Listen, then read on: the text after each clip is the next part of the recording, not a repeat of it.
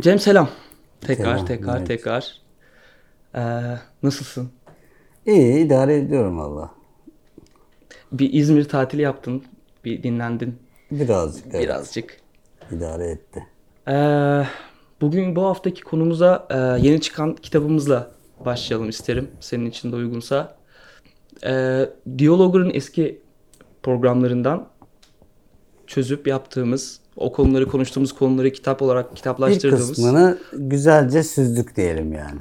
Evet. Hepsi değil ama Ee, nasıl çünkü biz çıktı bu? hazırlıklı konuşmadığımız için bir de böyle parça parça bir sürü insan sormuş. Mesela benim sevdiğim tarafı şu. Normalde hani nehir söyleşiler olur. Bir kişi sorar, bir kişi de yanıt verir. Ama burada herhalde tahminim şu ki 120 kişinin falan sorusu var. 100-150 arası diyebiliyorum. O kadar insanın sorusu var ve bunlar zaman zaman tekrar etmiş benzer sorular, benzer konulara girilmiş.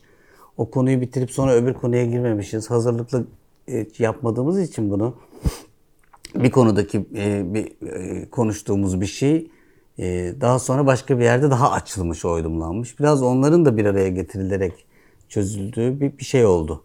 Onun için ilginç oldu. Nasıl başladı? Benden başlamadı. Onur Emer'den başladı. Onur dedi ki senin bir külliyatın var, senin bilmem ne var. Bunların bir kitap olması lazım. Bunların da kitap olması lazım. Hatta senin bütün her şeyini bir toplamak lazım. Bir şey yapmak lazım falan dedi. Vallahi güzel fikirmiş falan dedim. Fakat tabii Onur'dan başka da bunu yapabilecek biri yoktu. O sadece bunun fikrini ürettiğini zannetti. O zaman sen yapacaksın bunu. Ve her zamanki gibi çok iyi bir iş çıkardı yani. Çok güzel oldu. Çok güzel olmuş. Ellerine sağlık buradan Onur'un da gerçekten. Kalemi inanılmaz zaten inanılmaz beğendim. Böyle çok mutlu oldum. Kitabın sayfayı bir açtım işte Onur'un işte Yazdığı kalemi. ön söz değil mi? Tabii tabii. O- Onur'un elinden çıktığı o kadar belli oluyor ki Hmm. artık. Yani anlaşılabiliyor. Çok mutlu oldum. Yani özellikle Onur'dan çıkmış olması da çok iyi fikir. Ee, kitapla İsmini ilgili- de hatta yani ne olacak ismi falan filan diye de konuşulurken Onur'un benim e, işte bir diyalogurda konuşurken söylediğim bir cümle bu. Kitabın ismi aslında o yani. Ben diyalogur sırasında tam bunu söylemişim.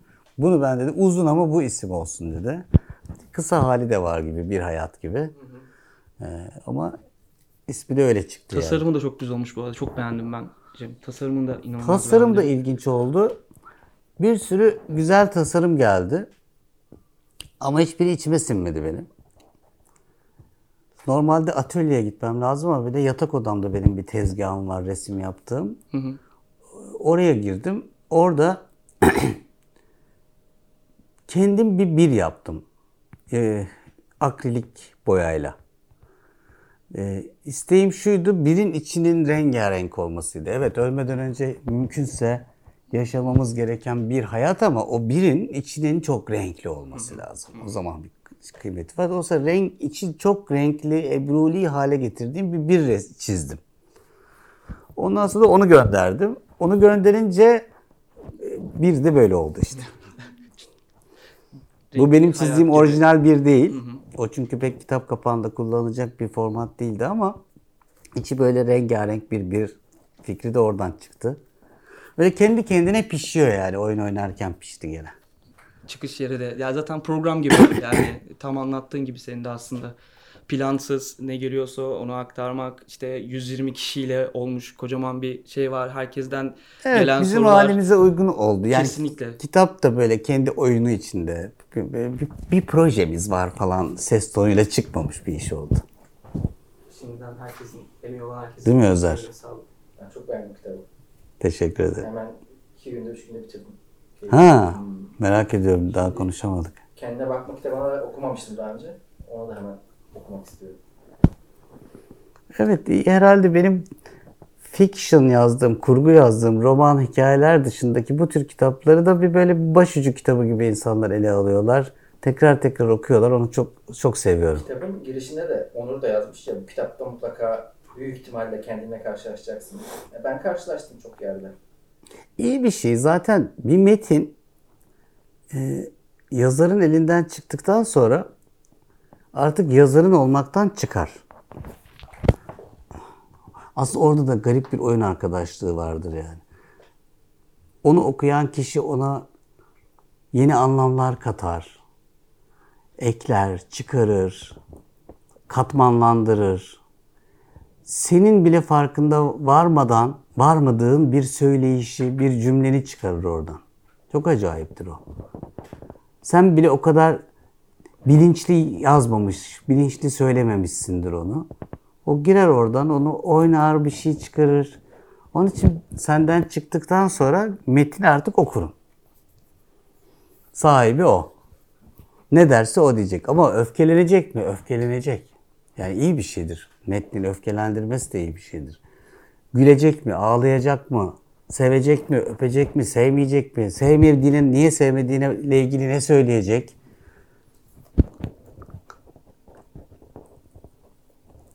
Bence bütün sanat eserleri içinde geçerlidir zaten bu. Yani iyi, iyi bir metinde, iyi bir resimde eğer önünde kalıyorsanız, onunla cebelleşiyorsanız, kavga ediyorsanız,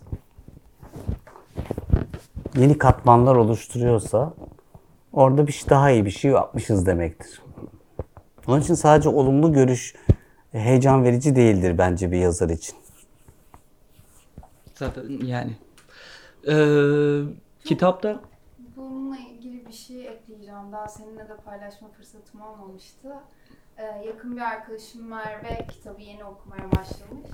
Ee, bir yerinde de e, metroda okuduğu bir yer ona çok dokunmuş ve böyle ağlamak istemiş ama bir anda metroda olduğunu ve gözyaşlarımı durdurmam lazım falan derken bir anda kitabın ona e, Metroda da ağlayabileceğini söylediğini mi fark ettin? Evet, aynen Bak. de öyle. Yani e, o güveni ve cesareti aldığını ve sonra orada kendini tamamen Ah bıraktığını işte falan bak ne güzel söyledi. işte bu. bu. Aynen öyle. Yani müthiş. Bunu yaşadığı için o kadar sevindim ki yakın bir arkadaşı olarak. Çünkü kitap metroda ağlatıyorsa da metroda ağlayabileceğini söyletiyordur da diye umut ediyorum. Bu- Bunu yani söylediklerimizin içinde hep bu oldu herhalde. Konuştuklarımızın içinde. çok oldu hem de. Tam olarak zaten e, senin de söylediğin olması gereken yerde sanki biraz orası gibi. Çok mutlu oldum hikayeyi bu arada Değil duyunca. mi? Çok çok Yani mutlu oldum yani. Müthiş bir hikaye ya. Evet. Harika bir şey. Bu kadar insanın içselleştirmesi Kesinlikle. yani harika bir şey. Çok sevindim. Ee, kitapta çıkan e, okurlarımıza ufak bir notumuz var Cem. Hmm. Ee, onunla biraz paylaşsak, okusak onlara o güzel metni.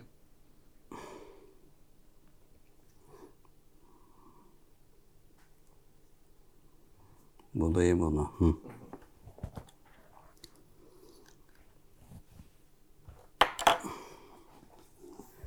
Sevgili sen. Birilerini hayal kırıklığına uğratmadan kendi destanını yazmış kimse görmedim ben. Umuyorum ki bu kitap kendi destanını yazmak üzere cesaretle çıkacağın yollarda çıkınına koyacaklarından biri olur. Dik bir yokuştayken sen yapamayacağım derken bakarsın bir kelimesi gelir aklına. Sonra güneşli bir patikadan inerken bir şarkı mırıldanır gibi dolanır başka bir cümlesi. Kim bilir? Şimdi benim için susma zamanı. Seni kitabınla baş başa bırakmak için. Çünkü bundan sonrasında mesele senle sen arasında. Sevgilerimle Cem diye bitmiş. Evet yani hakikaten artık kitap onun. Evet. Deminki örnekte bir o kadar bunun bir örneğiydi. Tam da istediğimiz şey. Onun için bana çok iyi geldi mesela. Bir yazara ne iyi gelir desem bu bunlar geliyor bana iyi. Ben bile yani şeyinde değilim ben bile mutlu oldum yani seni düşünemiyorum Cem. Çok güzelmiş. Metin Ee, çünkü metin senin söylediğinin çok ötesinde de bir yerlere girer, çarpar, yankılanır. Bir kitabın üzerine bir kitap yazılması da öyle bir şeydir yani. Kitabın üzerine kitap yazar adam yani bazen ama her okur aslında bir kitabı okurken, iyi bir kitabı okurken yeni bir kitap yazıyor. Seslendirse içini, içindeki sesleri hatta kavgasını, cümlelerle olan kavgasını yeni bir kitap çıkar orada.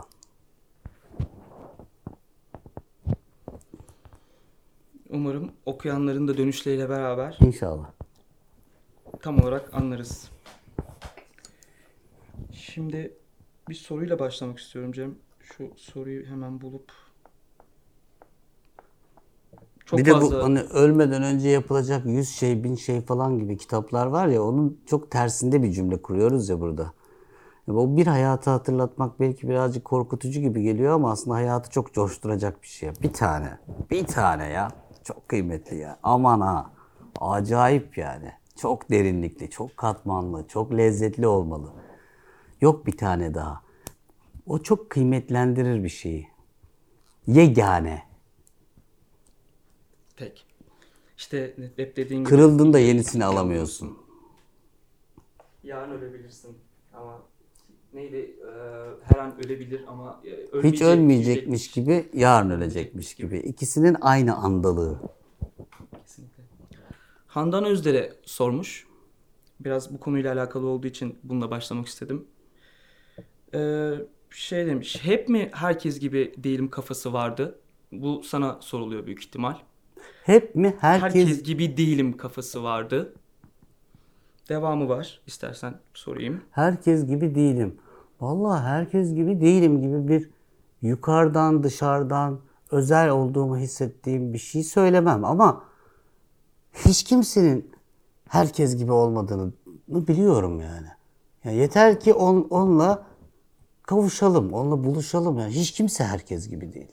Ben de onlardan biriyim evet. Çok özel herkes gibi değilim bir yerden. Yukarıdan söylenmiş bir laf, bir halim yok böyle, bir hissim de yok. Ee, Hatta yaralarım, eksiklerim de öyle yani. Belki de bu herkes gibi olmamanın içinde eksiklerim de var, acım da var, beceremediklerim de var. Onlar da bana ait. Onlar da biricik. Onun için aslında herkes çok biricik.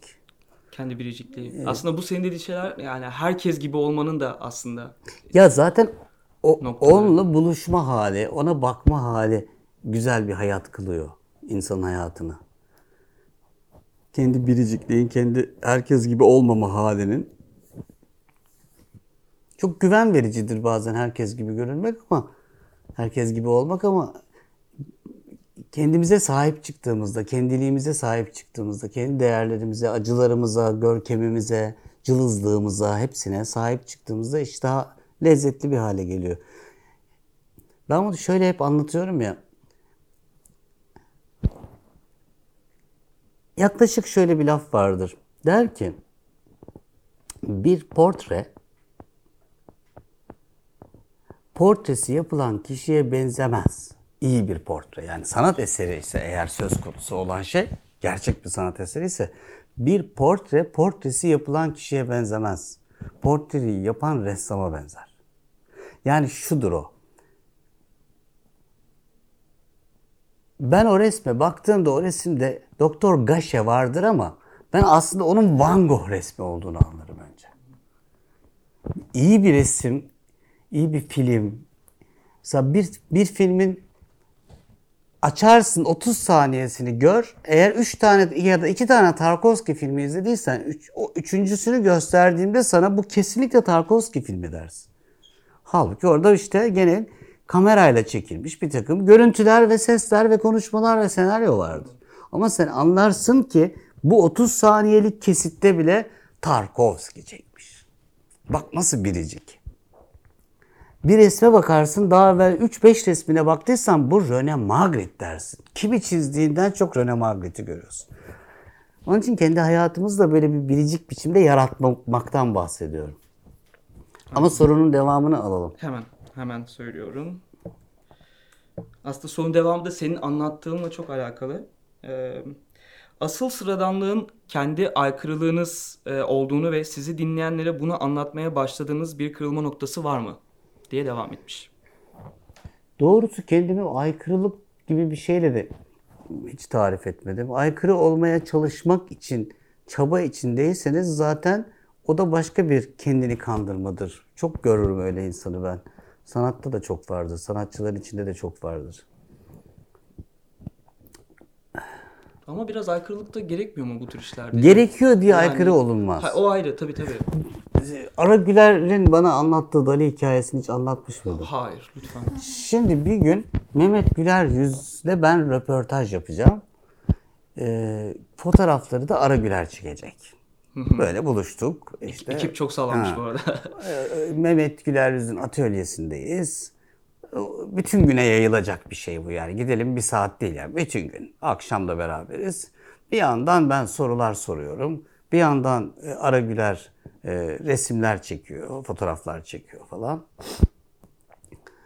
Bir yerde e, Dali'den bahsederken e, Ara Güler Dali'nin fotoğraflarını çekmeye gidişini anlattı. Dali'yi de çok severim. Yaratıcı bulurum ama bir şey içime sinmez benim Dali'de. Yani bir şey sinmez. Onu bilirim hep böyle. içsel içsel. Bu bahsettiğim de benim herhalde 30 yaşında falan olduğum bir dönem. Bu bahsettiğim şey.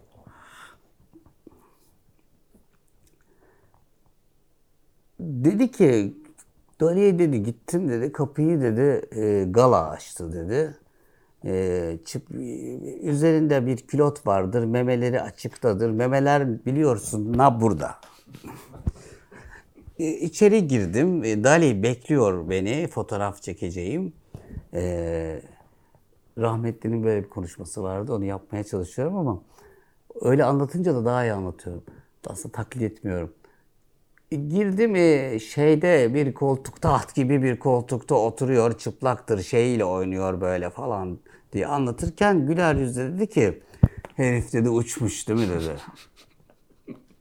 ne uçması numara.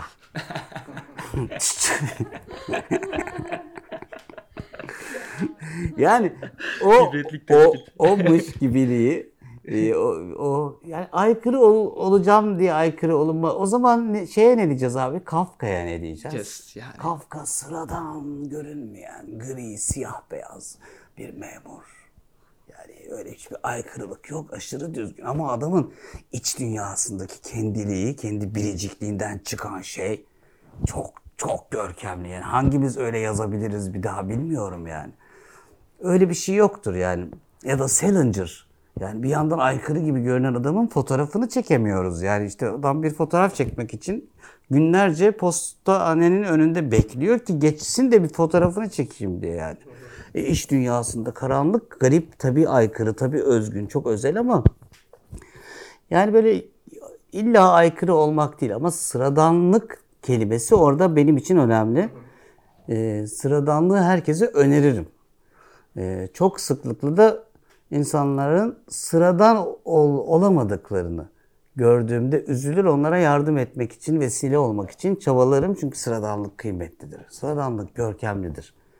Hiçbir ağaç e, ulan milleti bir şaşırtayım ya şöyle de bir aykırılık yapayım falan demiyor. Onun aykırılığı onun o sıradanlığın içinde çıkan bir şey. Onun üzerine bir mantar geliyor, ekleniyor, bir şey oluyor. Oradan bir böcek, bir kuş geliyor, üzerine bir şey sıçıyor falan. İnanılmaz bir, bir dünya oluşuyor ama bu gerçekliğin ve hakikatin içinden çıkan bir, sıradanın içinden çıkıyor aslında bir yanıyla. Sıradanıyla kavuşan aslında aynı zamanda kendi biricikliği o e, herkes gibi olmama halini daha çok ortaya çıkarır. Biz genellikle sıradanlığımızı bıraktığımız ve uygun olan, beklenen, trend olan, bu ara bu iyi gidiyor, bu kasabada bu daha önemli, bu şehirde bu daha önemli, şu ara Instagram'da bu daha e, trend falan dediğimizde aslında kendimizden uzaklaşıyoruz. Ben mesela çok açık söyleyeyim size. Ben e, şeyleri bu influencerların çoğunda bir çok benzer bir görsellik ve dil buluyorum. Görsel dil buluyorum. Yani kılık, kıyafet, pozlar falan filan böyle hafif de Orta Doğu kokan böyle Dubai'de bir bir hal var şimdi mesela. Trend bu diye. Ama unique değilsin. Biricik. Keşke kendin olsan ben seni çok daha heyecanla izleyeceğim. Instagram'da gördüğümüz ve tek tipleşen insanları da konuştuk bir önceki şey söylediğinde Cem. İnsanlar e, toplumsal normlar içerisinde e, statik olarak e, bir yerde şey bulmaya çalışıyorlar. Yani bir yere ait olmaya çalışıyorlar ve korona da bunu çok fazla tetiklediğini düşünüyorum ben. E, bunu sosyal medyadan yapmaya başladılar. Bugün Emir'le de onu konuştuk. E, bir yere ait, ait hissetme isteğinden dolayı oluşuyor olabilir mi bu? Yani böyle yaparsam eğer benim işte e, ait olabileceğim bir E, e, tabii, şey yani. olur. Bu Gü- koronada da çok bir güvenlik alanıdır çünkü. kalabalıkların içinde bir aidiyete sahip olmak, e, bir bayrağın altında olmak. Ama hep anlattığım şu, aidiyetler aynı zamanda tabii ki güvenlik alanıdır. Kendimizi güvende, e, sosyal olarak daha huzurlu, daha mutlu hissederiz. Kıymetli bunlar. Bunlara da ihtiyacımız var ama aynı zamanda her aidiyet bir surdur. Yani ait olduğun şeyin içinde bir kalenin surları içindesindir. O andan itibaren de surun deliklerinden dışarıya bakarsın. Surun deliklerinden dışarı baktığındaki diğerlerine de öteki demeye başlarsın. Hatta surun içi dışarıdakileri sana düşman, kötü, barbar vesaire vesaire diye tarif etmeye başlar. Sen onunla büyürsün. O aidiyetin içinde iyiyi ve kötüyü ayıklama ve ayırt etme şeyin de o aidiyetin içinde şekillendiğinde onun çok adı vardır işte yani düşmandır bazen, ötekidir, gavurdur, Arap'tır, e, Suriyelidir, Kürttür. E, yani. ne- neyse o bir şeydir yani. O sana bir bir barbar bir, bir şey olarak tarif edilir ve sen onu zaten aslında onunla hemhal olmadan, onunla ilişkiye girmeden, onu gerçekten tanımadan sırf sana benzemiyor diye sırf sana öyle öğretildi diye zaten düşman bellersin. Bu aynı zamanda da senin daralman demek. Onun için mesela ben şöyle laflar ederim, yıllardır ederim. Mesela bana aydın falan dendiği zaman, bir zaman hep bana aydın sakın demeyin. Türk aydını deniyor bir de yani. Aydın çok Türk aydını olmaz. Aydın değil o zaman. Eskiden münevver kelimesi kullanılırmış. O daha güzel bir kelimeymiş aydın yerine. Ne demek biraz? E, Şimdinin aydınının Osmanlıcası. Ama aydının aidiyeti olmaz. Aydının tutunduğu bir şey olmaz. Çünkü aydın olmak için zaten yani biricik olmak için, özel olmak için zaten bütün bunları aşma. Onun için ise aydın kelimesini ben hep derim ki mesela benim kendimle bile bir gurbet halindeyim hep diye bir lafım var yani. Hep gurbette olacaksın. Aksi takdirde bir yere tutunursun. Bir yere tutunduğunda tarafkir olursun. Tarafkir olduğunda göremezsin. Aydınlanamazsın. Aydınlatamazsın. Yargılayıcı olursun. Evet güvenlik vericidir aidiyet. Ama aidiyet aynı zamanda surdur. Bunu da bilirim. Eğer o surun dışına yürüyerek veya atınla çıkabiliyorsan, diğerleriyle hemhal olabiliyorsan, ilişkiye girebiliyorsan, onların farklılıkları da besleniyorsan, biz ne zaman çok besleniyoruz? Farklı yerlere gittiğimizde, farklı kültürlerle karıştığımızda, farklı insanlara gördüğümüzde. Aa onlar e, cenazeyi de şunu yapıyorlarmış. Aa onlar yemeği var ya öyle yiyorlarmış. Evet öyle yiyorlar. Evet öyle yiyorlar. Çünkü zaten onların topraklarında senin domatesin çıkmıyor başka bir şey oluyor. Başka türlü yemek zorunda. Isısı farklı. E Şimdi sen e, dünyanın tek tipleşmeye başladığı e, dönem şimdi işte globalizm falan filan ama mesela adam Arabistan'da kotla nasıl geziyor abi? Yani hakikaten ben Yani. Kotla gezemem orada yani. Sana güzel gelmiyor olabilir onun kılığı böyle. E, ama o, o havada ben niye kotla gezeyim ya? Pişik olurum. Çok büyük problem yani. Kesinlikle. Ama herkes de onu giymeyecek. Her biraz farklı olacağız. Ama bir yandan da işte bu globalleşme, biricikleşme, kimliğin bilmem ne yapması aslında düşmanlıklarımızı azaltmıyor da. Bu sadece aslında endüstrinin kullandığı bir bir şey gibi görünüyor gözüme. Onun için aidiyet iyi ele alınması gereken bir şeydir. Ailelerimiz bizi çocukken iyi eğitirler ama aynı zamanda zehirlerler. Neye iyi, neye kötü diyeceğini, neyin yanlış, neyin doğru olduğunu, kimin ahlaklı, kimin ahlaksız olduğunu, kimin orospu, kiminin bilmem ne olduğunu falan bayağı tayin edici öğretilerle büyürüz ve Bu bizi hem kendimize karşı hem o kişiye karşı daralmamızı anlamamaya doğru götürür. Anlamayan adam da zaten işte orada kalıyor. Ama bir yandan da işte aidiyet hissettiriyor. sanki. Çok güvenliklidir. Ee. Surun içi çok güvenliklidir. Ama aynı zamanda bütün aidiyetler kendilerini yüceltme, diğerlerini düşman görme. Aynı zamanda aslında çok korkak olurlar. Çünkü evet.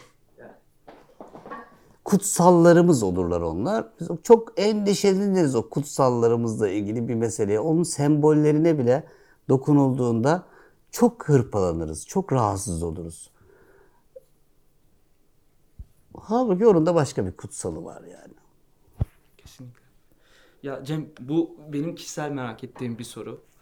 Yani ambiyan tabirle söyleyeceğim ama yani insanın gerçekten yani çok özür diliyorum. Bir bilmeye başlamasının aa evet ya bir şeyler bilmeye başlıyorum galiba demesinin bir eşiği var mıdır? Böyle bir eşikten söz edebilir miyiz? Herkes bir şeyler biliyor. Herkes böyle bir bilgili ama olmuyor. Yani olmadığını da biliyoruz bir yandan. Onu anladığımız böyle pink yapan böyle bir ampul yakan bir şey var mı? Yani neresidir o seviye? Çok merak ediyorum ben kendi adıma.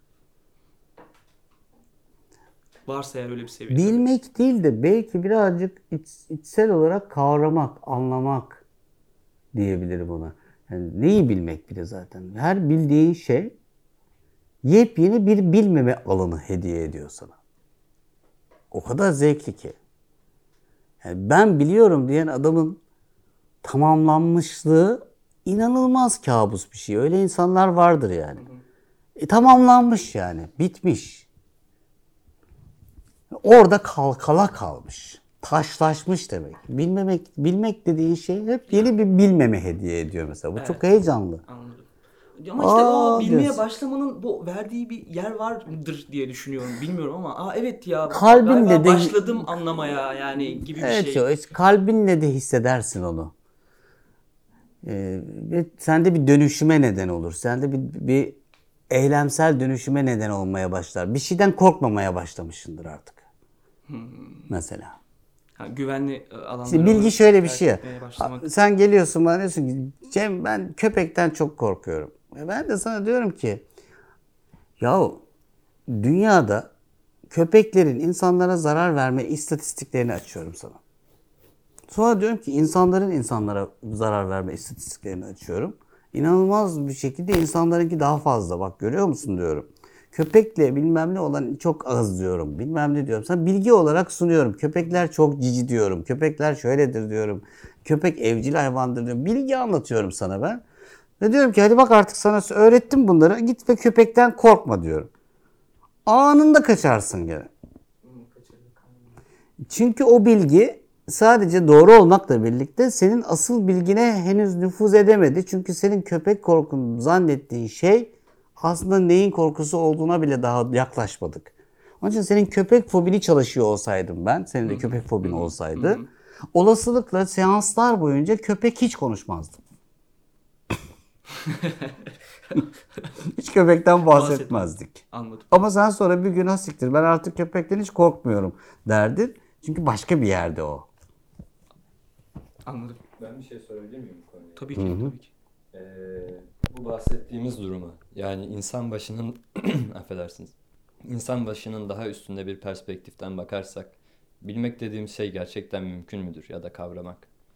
Ee, E, Zaman zaman bazı şeyleri ve bir kısmını o kavradığımız şey var ya o kavradığımız şeyin altında yeni bir katman açılıyor çünkü. Yani eğer gerçekten mümkün, evet mümkündür. Diyelim ki kaplumbağaları inceleyelim. Şimdi bir sürü kaplumbağa e, incelenmiş bir sürü zoologlar, biyologlar bilmem neler. Bitti mi peki bizim kaplumbağalarla ilgili bilgimiz? Bitmiyor. Ne güzel. Kavradım ama kavradığımın ötesinde hep yeni bir, bir, bir- yer var zaten. Yani benim biraz daha aklımı karıştıran aslında e, doğru telaffuzunu tam bilmiyorum ama Eu- Eugene Ionesco sanırım bir tiyatro yazarı e, şey diyordu. Çok hoşuma gitti. Ionescu mu? Evet. Ben, Ionesco. Ha. E, tahayyül edemediğimiz bir sonsuzluğun üzerinde inşa ettiğimiz hiçbir şey aslında gerçek değildir. Gerçekten bir şeyleri kavrayamayız. Bu yüzden bütün felsefeler bana gülünç gelir diyordu ve beni çok etkilemişti bu sözü. Ee, bu noktada değerlendirdiğimizde yani insan başından baktığımız zaman evet kaplumbağayı belki kavrayabiliyoruz ama Kavrayamıyoruz diyorum ama bak. Kavruyoruz ama kavradığımız her noktada kavranacak yeni bir başka bir gerçekliğin arkasında gizlendiğini tekrar bakmamız gerektiğini, bir yerine daha bakmamız gerektiğini görmeye devam ediyoruz. Evren gibi sonsuz. teşekkür ederim bu kadar bir şey. Gülünç de bulamam ama mesela ben kavranmış bir şeydi. Kavranan kısmı e, bir hakikati ortaya çıkarmıştır ama bu, bu hakikatin tümüdür dediğimizde biz e, düşüyoruz. Hakikatin tümü nerede? Sen henüz bir gerçeklik zeminine ayak bastın. Şimdi oradan sıçraman gerekiyor tekrar. Sıçrarken düşebilirsin de birazcık yüzmen gerekebilir. Etraf hala e, bilinmediklerle dolu. Onun için de heyecan verici.